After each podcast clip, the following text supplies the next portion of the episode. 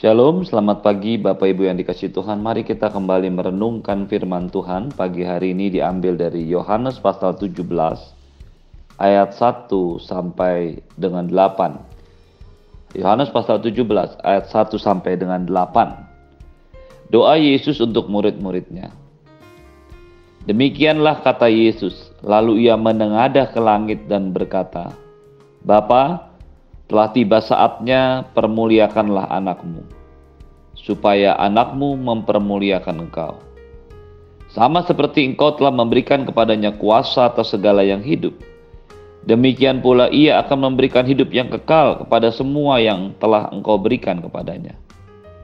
Inilah hidup yang kekal itu, yaitu bahwa mereka mengenal engkau, satu-satunya Allah yang benar, dan mengenal Yesus Kristus yang telah engkau utus.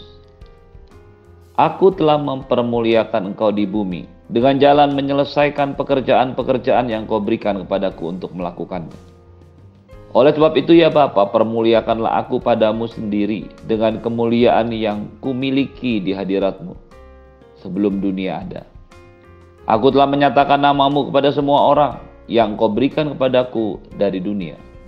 Mereka itu milikmu dan kau telah memberikan mereka kepadaku dan mereka telah menuruti firman-Mu. Sekarang mereka tahu bahwa semua yang kau berikan kepadaku itu berasal daripadamu. Sebab segala firman yang kau berikan, sampaikan kepadaku telah ku sampaikan kepada mereka. Dan mereka telah menerimanya. Mereka tahu benar-benar bahwa aku datang daripadamu. Dan mereka percaya bahwa engkaulah yang telah mengutus aku. Bapak ya yang dikasih Tuhan, kita sudah belajar dari ayat-ayat sebelumnya. Ketika Tuhan Yesus sudah mengadakan perjamuan Paskah dengan murid-muridnya. Lalu ia membasuh kaki murid-muridnya. Dan setelah Yudas pergi, ia memberikan pengajaran khusus kepada murid-muridnya yang tinggal 11 orang. Secara khusus dia mengulangi beberapa bagian yang dianggapnya sangat penting untuk diingat oleh para muridnya. Termasuk di dalamnya ialah dia memberikan kepada mereka satu jaminan bahwa waktunya sudah sangat-sangat dekat. Dia akan mati di kayu salib, kembali ke Bapa di surga dan meninggalkan mereka.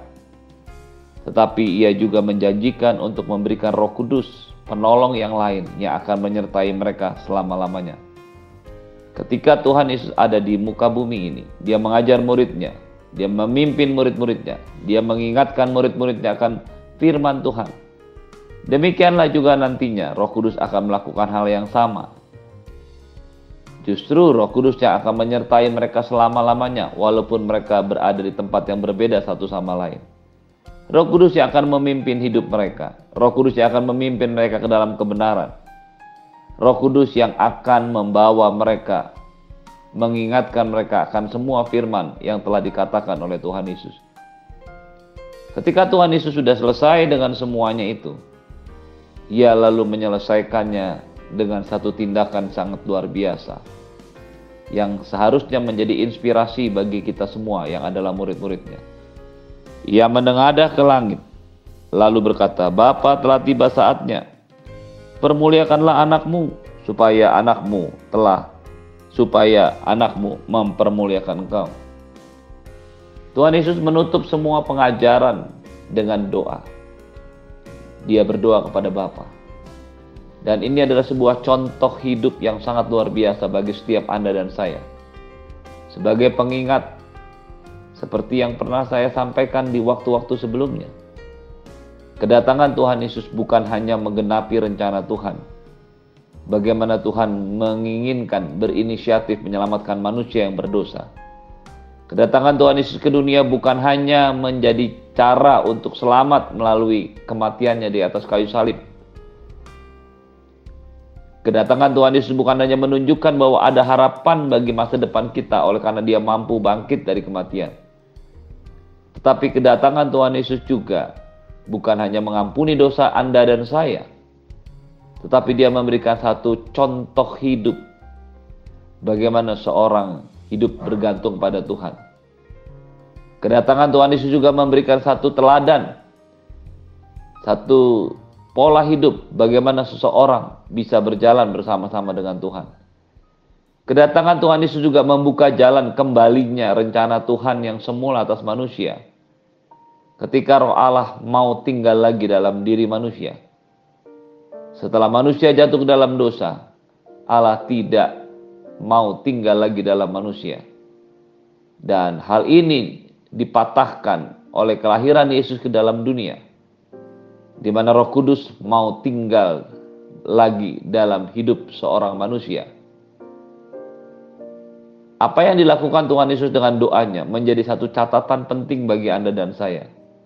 Betapapun Yesus adalah 100% Tuhan, dia juga adalah 100% manusia. Sebagai manusia, dia harus dan selalu berdoa kepada Bapaknya. Itu sebabnya bagian lain dalam Alkitab menyebutkan pagi-pagi benar. Waktu hari masih gelap, Yesus bangun dan pergi keluar untuk berdoa. Markus 1 ayat 35. Ketika Tuhan Yesus hendak menghadapi masalah di Taman Getsemani, dia berdoa. Ketika Tuhan Yesus menyelesaikan pekerjaannya dengan murid-muridnya, dia berdoa. Hal ini menjadi sebuah pattern for living, sebuah pola kehidupan bagi Anda dan saya. Untuk selalu dan tidak pernah meninggalkan doa dalam kehidupan kita di awal dia memilih murid-muridnya, dia memulainya dengan berdoa semalam-malaman. Di akhir semua pengajaran kepada murid-muridnya, dia mengakhirinya di dalam doa. Ketika hal ini terjadi, maka doa bukan lagi sebuah ritual, kebiasaan, doa pagi untuk memulai hari, dan doa malam sebelum menutup tidur. Tapi lebih daripada itu, doa adalah sebuah gaya hidup gaya hidup surgawi yang ditunjukkan, yang dicontohkan oleh Tuhan Yesus. Perhatikan apa yang ia doakan. Yang pertama, dia menyatakan hubungan dekatnya dengan Bapa. Bapa, telah tiba saatnya permuliakanlah anakmu supaya anakmu mempermuliakan kau. Kalimat ini harus dimengerti dengan benar bahwa tidak ada satupun keinginan Tuhan Yesus untuk memuliakan dirinya sendiri. Apa yang dikatakan oleh kitab Filipi yang dituliskan oleh Paulus menunjukkan bagaimana kerendahan hati Tuhan Yesus yang terus merendahkan diri. Bagaimana mungkin ia ingin memuliakan dirinya sendiri? Kalau kita membaca doa ini dengan lengkap, kita akan tahu apa yang dimaksudkan oleh Tuhan Yesus. Tuhan Yesus berkata, Bapa, permuliakanlah anakmu supaya anakmu mempermuliakan engkau. Tujuan Tuhan Yesus minta supaya dirinya dipermuliakan oleh Bapa. Tidak lain dan tidak bukan hanyalah untuk mempermuliakan Bapa. Bukan untuk mempermuliakan diri sendiri dan berhenti. Seringkali kita menjadi salah dengan semua doa dan permintaan kita. Kita ingin hidup, pekerjaan, rumah tangga, bisnis kita diberkati Tuhan. Tetapi kita lupa untuk apa tujuan berkat Tuhan itu kepada kita. Kita inginkan semua yang terjadi pada hidup kita semakin baik dan semakin baik. Tetapi kita lupa untuk apa semua kebaikan itu. Ketika Tuhan Yesus berkata, Bapak permuliakanlah anakmu. Dia tidak berhenti hanya di situ dalam konteks, dalam tujuan, supaya anakmu mempermuliakan engkau. Promosi, berkat, semua yang baik yang Tuhan berikan kepada Anda dan saya tidaklah boleh berhenti hanya untuk kita nikmati sendiri atau hanya untuk kemuliaan kebanggaan kita. Semuanya yang Anda dan saya lakukan, yang diberkati Tuhan, yang diperbanyak Tuhan, yang diangkat Tuhan begitu tinggi haruslah tetap pada satu konsep untuk mempermuliakan Tuhan. Ketika Anda dan saya sudah sampai seperti ini, maka Anda dan saya sudah sampai pada satu pola ilahi yang diajarkan dan diberikan contoh oleh Tuhan Yesus. Permuliakanlah aku, supaya aku, supaya anak mempermuliakan engkau. Hendaklah ini menjadi satu contoh, satu pola hidup ilahi kita diberkati untuk memberkati, dipromosikan untuk kemuliaan Tuhan. diberikan keberhasilan untuk mempermuliakan Tuhan, diberikan berkat untuk mempermuliakan Tuhan, diberikan kesuksesan atau mungkin kekayaan dan harta untuk mempermuliakan Tuhan. Hal ini menjadi satu pola ilahi, bahkan ketika menjadi seorang hamba Tuhan dan diberkati dengan pelayanan yang besar.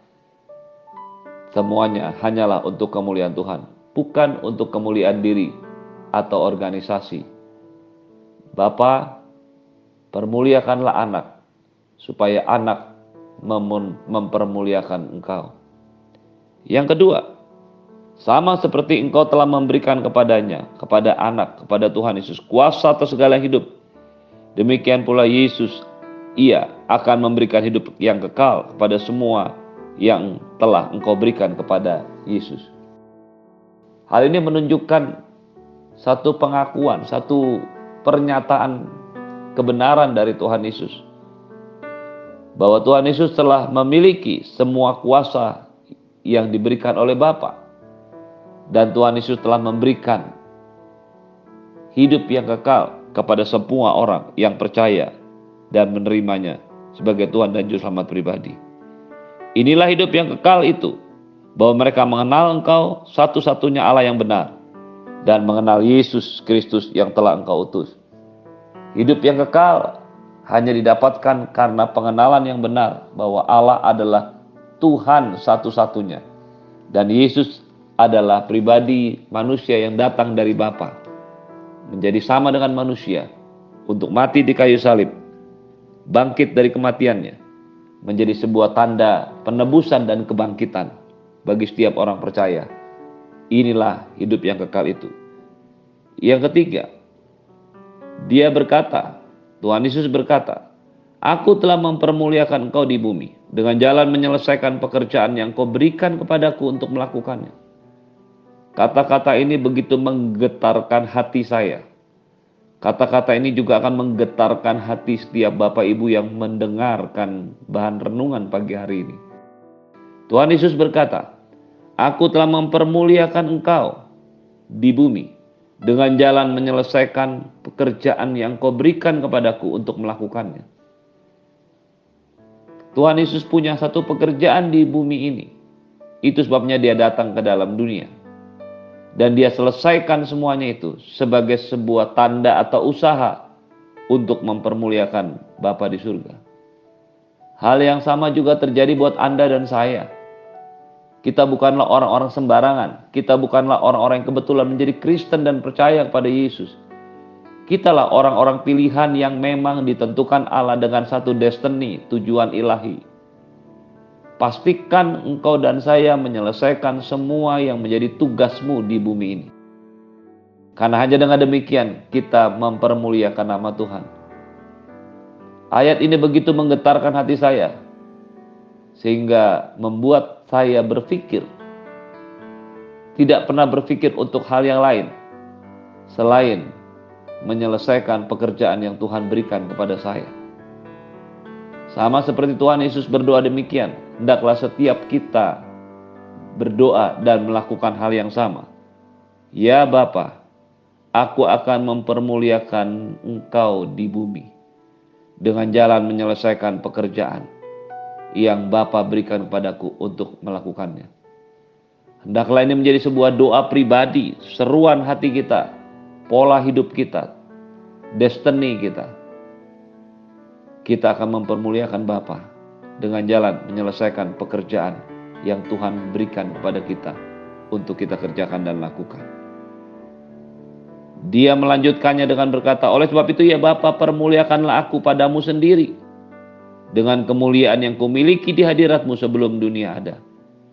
Sekali lagi Tuhan Yesus menyatakan, permuliakanlah aku padamu sendiri. Dia tidak pernah mengambil kemuliaan untuk dirinya sendiri, tetapi dia mengambil kemuliaan itu untuk Bapa. Dengan kemuliaan yang kumiliki di hadiratmu sebelum dunia ada. Doa dan kata-kata suruhan Tuhan Yesus menyatakan dirinya. Menyatakan kekekalan yang sudah ada pada dirinya sebelum dunia ada. Yesus bukan ada pada saat dia dikandung oleh Maria. Itulah Yesus sebagai manusia. Tapi Yesus sebagai Allah sudah ada sebelum dunia ada. Dengan demikian ketika ada orang yang menyatakan bahwa Yesus tidak pernah menyatakan dirinya sebagai Tuhan, dia harus mengingat dan membaca ayat ini. Karena Tuhan Yesus menyatakan dirinya, dia ada sebelum dunia ada. Ketika kita mengerti ini, maka kita percaya keadaan Yesus, keberadaan Yesus sebagai manusia memang baru ada setelah ia dilahirkan oleh Maria. Tapi hakikat ilahinya, keberadaan Tuhannya, keilahiannya itu sudah ada karena Yesus dan Bapa adalah satu. Sama seperti Yesus, Bapa dan Roh Kudus adalah satu. Kita percaya Tuhan yang satu, kita percaya Tuhan yang esa. Dan kita percaya Yesus sudah ada sebelum dunia ini ada sebelum segala sesuatu ada. Pastikan kau berdoa seperti menjadi doa Tuhan Yesus. Ya Bapa, aku akan memuliakan engkau di bumi dengan jalan menyelesaikan pekerjaan yang kau berikan kepadaku untuk melakukannya. Terimalah berkat yang berlimpah-limpah dari Bapa di surga, cinta kasih dari Tuhan Yesus. Persekutuan yang manis dengan roh kudus menyertai hidupmu hari ini dan sampai selama-lamanya. Di dalam nama Tuhan Yesus semua yang percaya katakan, Amin. Shalom, selamat pagi, Tuhan Yesus memberkati.